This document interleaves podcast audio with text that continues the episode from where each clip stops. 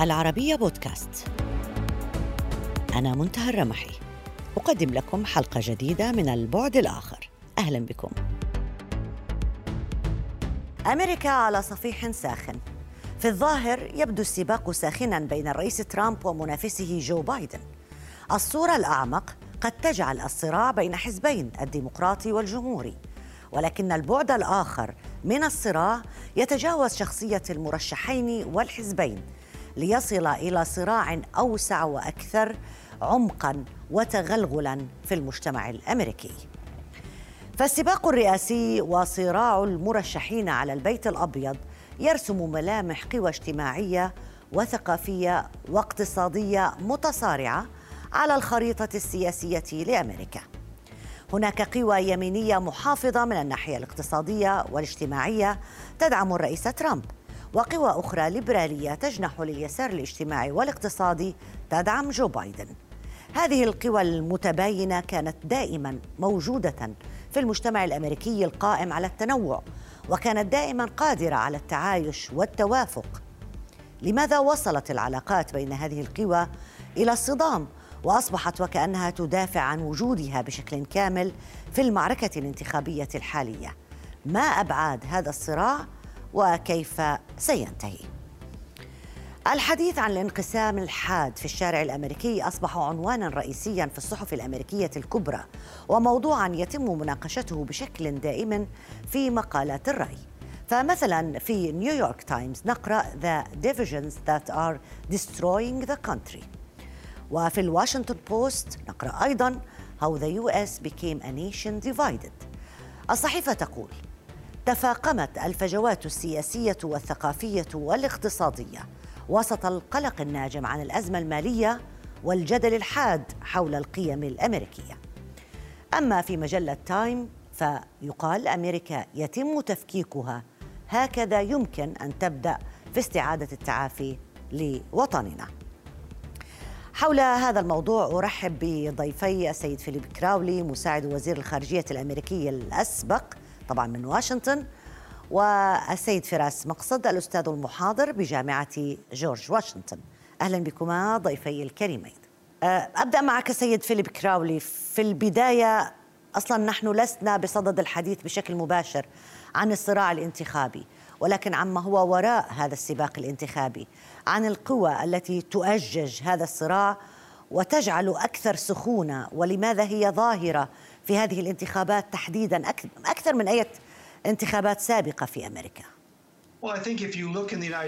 أعتقد أنه إذا ما نظرتم إلى الولايات المتحدة على مر العقود الثلاثة التي خلت فيمكننا أن نعود إلى نهاية الحرب الباردة ورأينا آنذاك أن البلاد تتجه في مسارين مختلفين. اليوم لدينا أمريكا الزرقاء التي تسعى للميل لتكون أكثر ليبرالية وهي متوزعة في مدن عدة في أمريكا. وهناك أمريكا الحمراء التي تميل لتكون أكثر محافظة وهي تحتل أماكن في وسط البلاد. وما رأيناه حتى اللحظة بأن هناك حالة من التداخل بين هاتين الأمريكيتين. وهناك حالة من الانقسام من حيث المفاهيم والأقتصاد والقضايا الثقافية وغيرها.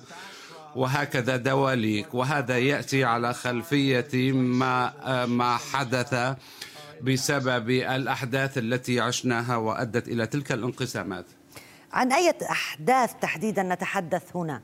يعني الانقسامات واضحة كثيرا في هذه الانتخابات والحملات التي تابعناها في الأيام القليلة الماضية.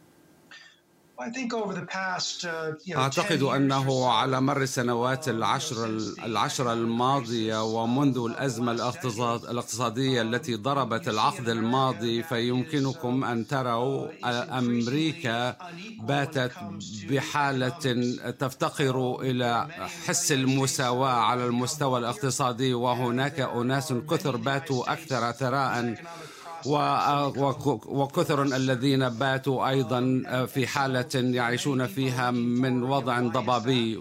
وقد اتسعت هذه الهوة وهناك مشاكل أيضا تتعلق في التجارة التي دخلت في صميم السياسة فضلا عن حالة عدم المساواة الاقتصادية والهجرة أيضا. هي مو هي واحدة من القضايا الساخنة التي كانت موضع انقسام كبير.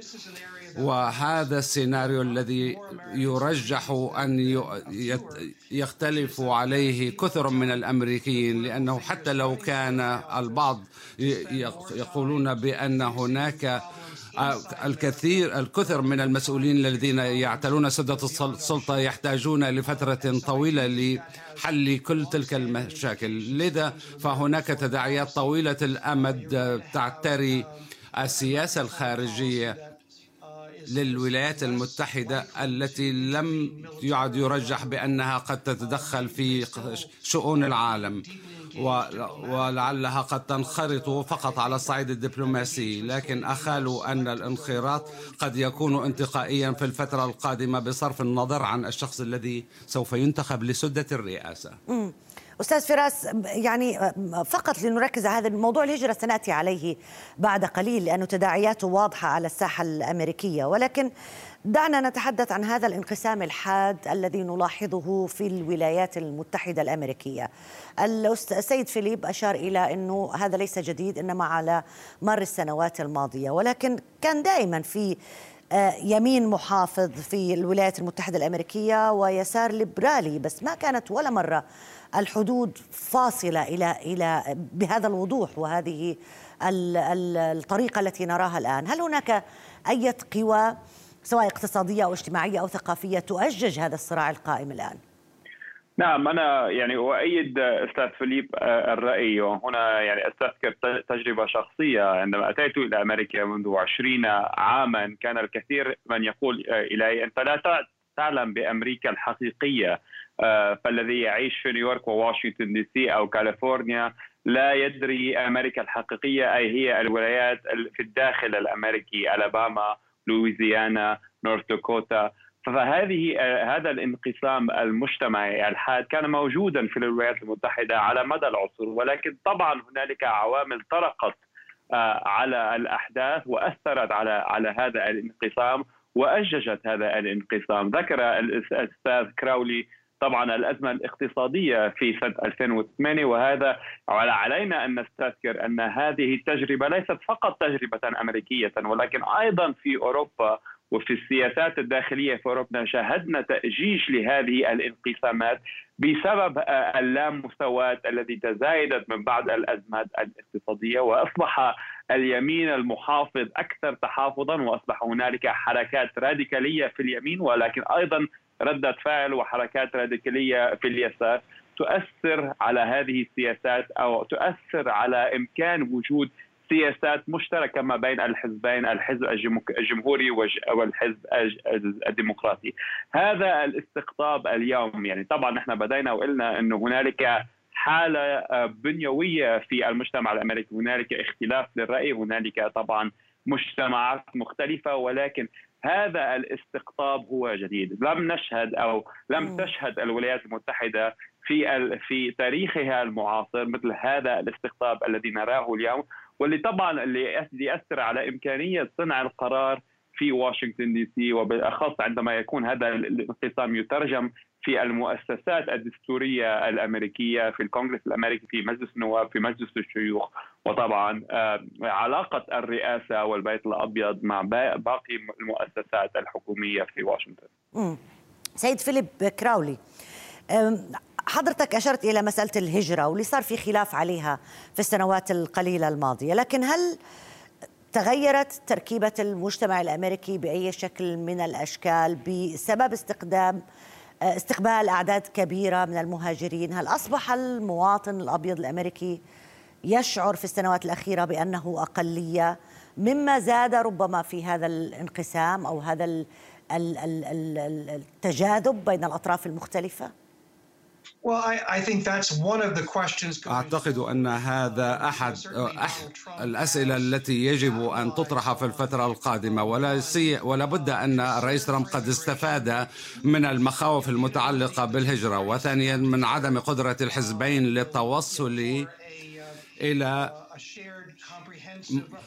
إلى مقاربة يتم من خلالها التوصل لفهم مشترك بشأن الهجرة. وهناك فرص متزايدة لمسألة الهجرة بطريقة قانونية وتخفيض الحوافز لعبور الحدود الأمريكية بطريقة غير قانونية. وهناك حالة شلل كاملة بهذا الملف على مر السنوات الخمسة عشر الماضية وهذه القضية التي استطاع الرئيس ترامب استغلالها. لكن يبقى علينا أن ننتظر لنرى وبصورة موضوعية أن أن الهجرة يعد مسألة إيجابية في الولايات المتحدة إذ يستقطب الناس للدراسة والعمل والعيش في الولايات المتحدة. وكان دائما ينظر إلى هذا الأمر بأنه موضع موطن قوة للولايات المتحدة وليس موطن ضعف. والأمر يتوقف في نهاية الأمر على نتيجة هذه الانتخابات التي سوف ترسم ترسم صورة المشهد في الفترة القادمة. وإذا ما كان سوف يترجم هذا الأمر إلى مسار عملي واتفاق بين الحزبين للتوصل إلى حل مشترك حول الهجرة لكن آه، إذا ما كانت هناك الإرادة السياسية موجودة وهي وهي المسألة التي نفتقر إليها من أجل البت في هذه المسألة في الفترة القادمة. صحيح هذا هذا جانب من المشكلة سيد فيليب كراولي لكن السؤال اللي بيطرح نفسه سؤالي لك سيد فراس آه هذا هذه جزئية من الهجرة بس إحنا نتحدث عن تركيبة سكانية للولايات المتحدة الأمريكية آه، في.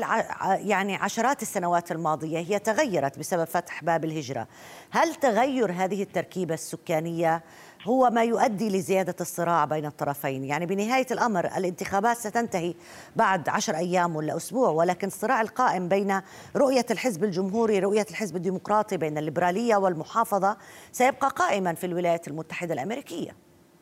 نعم أعتقد أن موضوع الهجرة هو طبعا موضوع أساس وهو موضوع حساس أيضا آه، في آه، آه، قاموس السياسة الأمريكية. ولكن علينا أن نستذكر أن معظم هؤلاء المهاجرين هم ليسوا من أصول أفريقية بل هم من المكسيك وبعض الدول من أمريكا اللاتينية، أما اليوم يعني الاستقطاب الذي نراه هو ما بين من جهة الأقليات ولكن بالأساس يعني الأمريكيين من أصل أفريقي وبعض مناصرين الحزب الجمهوري وبالأخص مناصري دونالد ترامب الذي هم من آه، الغالبية البيضاء. آه، آه، فأعتقد أن موضوع هذا الاستقطاب العرقي ليس مربوطا بطريقة مباشرة مع الهجرة بل هو له جذوره التاريخية في الولايات الولايات المتحدة الأمريكية طبعا تاريخ العبودية وشعور آه، الأمريكيين من أصل أفريقي إن ما زالوا ما زالوا آه، مجتمعا مغلوب على أمره. وطبعا هنالك يعني شعور مقابل هذا عند مناصرين آه، دونالد ترامب بعضهم على الأقل أن هنالك ما يسمى over correction أو كان هنالك تصحيح لعلاقة المجتمع الأمريكي، الدولة الأمريكية، المؤسسات الأمريكية مع آه، الأمريكيين من ذو آه، آه، أصل أفريقي وأنه يعني وصل الحد بلغ الأمر حده ويجب علينا أن أن يعني ندع الماضي وراءنا ونمشي قدما. فهذه يعني هذا ما يسمى التأثير أو الاستقطاب بين الأفارقة والامريكان من أصل أفريقي والبيض لا علاقة له مباشرة يعني موجات الهجرة التي نراها تأتي من أمريكا اللاتينية. مع العلم بالضبط لأنه بنحكي عن اللات... آه، آه، اللاتي... العرق اللاتيني مختلف الحديث عنه هون في أمريكا.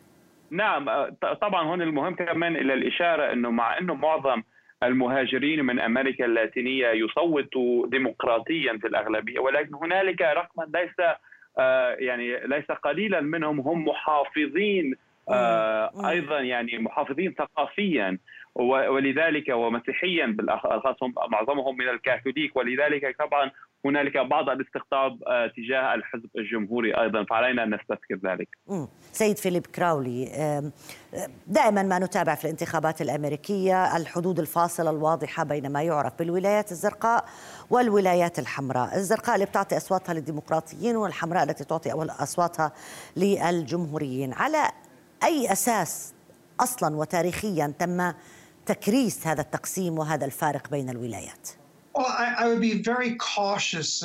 سوف أتوخى الحذر بشدة حول مقولتي بأن هذه حالة ثابتة وليست عرضة للتغيير فمثلا أنا أعيش في ولاية فيرجينيا ولو عدنا بالتاريخ إلى عقدين من الزمن لكانت فيرجينيا ولاية حمراء أما اليوم فيرجينيا فباتت باتت يعول عليها على أنها ولاية زرقاء والنصف الآخر من فيرجينيا التي تصوت إلى الديمقراطيين كما هو الحال في واشنطن دي سي في جزء من واشنطن دي سي. وأيضا في في وفي وفي العاصمة هناك جزء الذي يبدو متحفظا ومع الجمهوريين.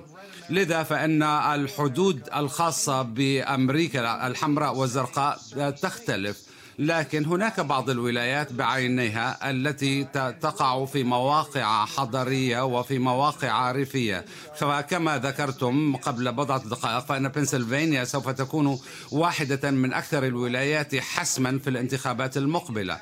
لكن إذا ما قسمنا بنسلفانيا وحللناها فإن فإن الديمقراطيين يبحثون على أكبر قدر من الأصوات في مدينتين في في في فيلادلفيا والجمهوريون بالمقابل يسعون لإغلاق تلك الفجوة بإحراز أصوات في المناطق الريفية وما بينها. هذا الحال كان قائما في أجزاء واسعة من البلاد. فإذا كان المرشح الديمقراطي يسعى لحدوث لأصوات في المناطق الحضرية فهذا سوف يبعث إلى دينامي إلى حالة من الديناميكية في الاقتصاد أما الجمهوريون فهم يبحثون في المناطق الريفية التي تحتوي على صناعات مزدهرة في كانت في سبعينيات وستينيات القرن الماضي ولكنها تضررت بشدة جراء القوة التنافسية والعولمة التي حدثت ما بعد ذاك. وهذا هو وتلك هي الدينامية التي تحفز الاقتصاد الأمريكي في الوقت الحالي. أستاذ فراس يعني الاقتصاد هي كلمة السر هنا في تغيير الموقف آه، لولاية آه، آه، عن أخرى. يعني حتى لو كان على مر السنين أن تتحول من ديمقراطية إلى جمهورية أو غيرها. أم أنه سنبقى في نفس السياق؟ المناطق الحضرية هي جمهورية المناطق الريفية هي ديمقراطية أو, أو العكس؟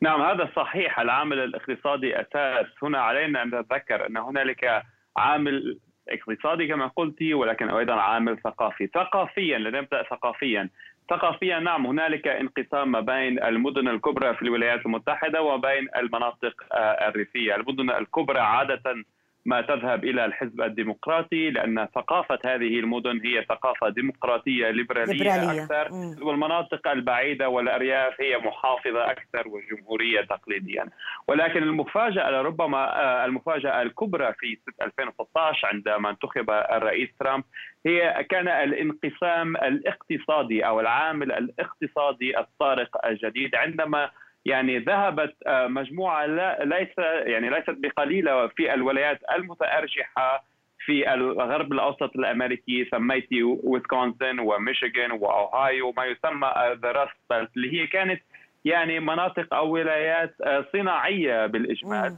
وخسرت الكثير من الوظائف آه، بسبب هذه العولمة. هذا الناخب الذي كان تقليديا من الطبقة الكادحة وكان يصوت للحزب الديمقراطي لأنه كان يعتبر تاريخيا أن الحزب الديمقراطي هو حزب الطبقة الكادحة. آه، هنالك كان هنالك طبعا انقلاب آه، لم تلتقطه استطلاعات الرأي وهؤلاء صوتوا إلى الرئيس ترامب لأنه كان طبعا قاسيا ضد العولمة سياسات العولمة وقاسيا أيضا باتجاه الصين وهنا كانت المفاجأة. فهذا العامل الاقتصادي هنالك عامل ثقافي وعامل اقتصادي. هذا العامل الاقتصادي كان طبعا المفاجأة أو إحدى المفاجآت الكبرى سنة 2016 طيب سيد فيليب يعني تعودنا من مراقبتنا للسياسة الأمريكية أنه لليمين المحافظ تعريفات مختلفة. يعني هناك من هو محافظ من الناحية الاجتماعية مثلا؟ ولكنه ليبرالي من الناحية الاقتصادية من الناحية آه، من ناحية الآراء السياسية هل ما زالت ما زال هذا الاختلاف في التعريفات موجودا أم أنه أصبح نادرا في المجتمع الأمريكي؟ Um, لا بد لي أن أشير على سبيل المثال إلى هذه المسألة فأنا كنت قد آه، آه، إن إن جئت من منطقة في في أوساط ماساتشوستس وتوجهت إلى فيرجينيا. وفي السابق كان لدينا تقليد يعتمد على النظر في القضايا الاقتصادية والقضايا الاجتماعية. أما القلق الحقيقي فيظهر من اليسار من إذا ما كنت من الجمهوريين. أما إذا كنت من اليسار فعليك أن تقلقي من التوجه اليميني. وحتى إذا ما سئل أي من الحزبين فيبدو أنهما باتا باتا يأخذان نزعة تسعى للسيطرة وعدم أخذ المخاطر السياسية. وهذا الأمر يعني بالمحصلة بأن بأن كل حزب لم يعد يترك أي مساحة للمناورات السياسية حول تلك القضايا سواء كنا نتحدث عن الاقتصاد أو كنا نتحدث عن التغير المناخي. كل هذه القضايا يبدو بأنها تطرح نفسها بصورة واضحة على الحوار السياسي الذي نشهده في الفترة الحالية. أستاذ فراس أن تطرح نفسها على الحوار السياسي يبقى مقبولا يبقى في ظل الصراع الفكري نحو رؤية مستقبلية لبناء هذه الدولة العظمى والكبيرة الولايات المتحدة الأمريكية. ولكن أحيانا بعض تصفية الأمور أصبحت تحل أو في محاولات لحلها بالشارع. مدى خطورة هذا على الموقف داخل أمريكا؟ من المظاهرات اللي كنا نشوفها من عمليات اللي, اللي ضد العنصرية من العمليات العنصرية أيضا كل هذا. طبعا طبعا. يعني هنا لأي شخص يأتي من من الشرق الأوسط أو العالم العربي إلى إلى الولايات المتحدة. هنالك بعض من يعني مفاجأة أن السياسة الأمريكية أصبحت أكثر قبلية آه، يعني نحن تاريخيا في الولايات المتحدة نعلم أن السياسات هي مبنية على بوليسي أو أو يعني آه، مواضيع دسمة للنقاش وليست سياسة قبلية. مجتمع معين ضد مجتمع ثاني. فمن الواضح أن هنالك تزايد لهذا الاستقطاب العنصري الذي يحدث في الولايات المتحدة مما يقيد طبعا العملية السياسية والمؤسسات الشرعية في الولايات المتحدة. طبعا في هذه المرحلة هنالك التعويل كل التعويل على المؤسسات الأمنية والدستورية. هنالك تخوف لدى الشارع في الولايات المتحدة. هنا في واشنطن في فيرجينيا في الولايات المتأرجحة. من خروج هذا الاستقطاب عن السيطرة وبالأخص مع بدء يعني توافد نتائج الانتخابات الأمريكية ولكن ما زال التعويل على قدرة المؤسسات. وطبعا نحن نعلم أن يعني عندما يأتي يهاجر المرء إلى الولايات المتحدة يقول يقال له أن هذه دولة قانون. آه الكل في الولايات المتحدة يحتاج إلى محامي لأن طبعا هي دولة قوانين آه وكل شيء يعني حسب القوانين ال ال ال ال يعني الأمريكية. لكن هذا يعني هنالك خشية متنامية طبعا. عن هذا الفرز الذي يحدث اليوم في المجتمع الأمريكي وطبعا يعني نتائج الانتخابات وما قد تؤدي إليه. طيب سيد فيليب كراولي أشرنا إلى عديد النقاط التي تؤجج هذا الصراع عاما بعد عام ويوما بعد يوم. هل يمكننا أن نضع في, في, في الحسبان الآن ال social media مثلا؟ عديد الأخبار الزائفة ربما أو المبالغ فيها في تأجيج هذا الصراع داخل الولايات المتحدة. I think um, the media أعتقد أن وسائل الأعلام وبالمفهوم الواسع هي إحدى العوامل آه، المؤثرة وكذلك وسائل التواصل الاجتماعي والمعلومات الزائفة هي جزء من ذلك. حتى عند الحديث عن وسائل الإعلام العامة فالسياسة آه، تطلبنا لأن نميل لعالمين مختلفين. فهناك محطات التلفزة مثل محطة فوكس التي تعد البنت المدللة للحزب المحافظ في البلاد. وهناك سي ان ان أو ام اس ان بي سي التي تميل لكسب جمهور من الليبراليين. هذان القطبان باتا يعيشان في عالم في عالمين منفصلين. إذا كنت من المحافظين فسوف تستمعين إلى الأخبار وإلى نسخة عن الواقع. هذه النسخة عن الواقع قد تكون مختلفة عن نظيرتها التي التي يستمع إليها الديمقراطيين الديمقراطيون في محطاتهم المفضلة. وهذا الأمر بدوره يسهم إلى حالة قبلية وهذا أمر قد يتفهمه الناس في منطقة الشرق الأوسط. فنحن بتنا أكثر انفصالا عندما يتعلق الأمر في المعلومات ولهذا باتت الولايات المتحدة تعيش في هاتين الحالتين الزرقاء والحمراء آه، في أكثر أكثر من أي وقت مضى وهي ظاهرة مؤرقة التي آه، قد أسهمت في حالة الانقسام بين صفوف المواطنين الأمريكيين. واضح. سيد فيليب كراولي مساعد وزير الخارجية الأمريكي الأسبق شكرا جزيلا لك على المشاركة. وسيد فراس مقصد الأستاذ المحاضر بجامعة جورج واشنطن شكرا جزيلا لك على المشاركة معنا. ألف شكر. وبهذا انتهت هذه الحلقة من البعد الآخر. تحية لكم وإلى اللقاء.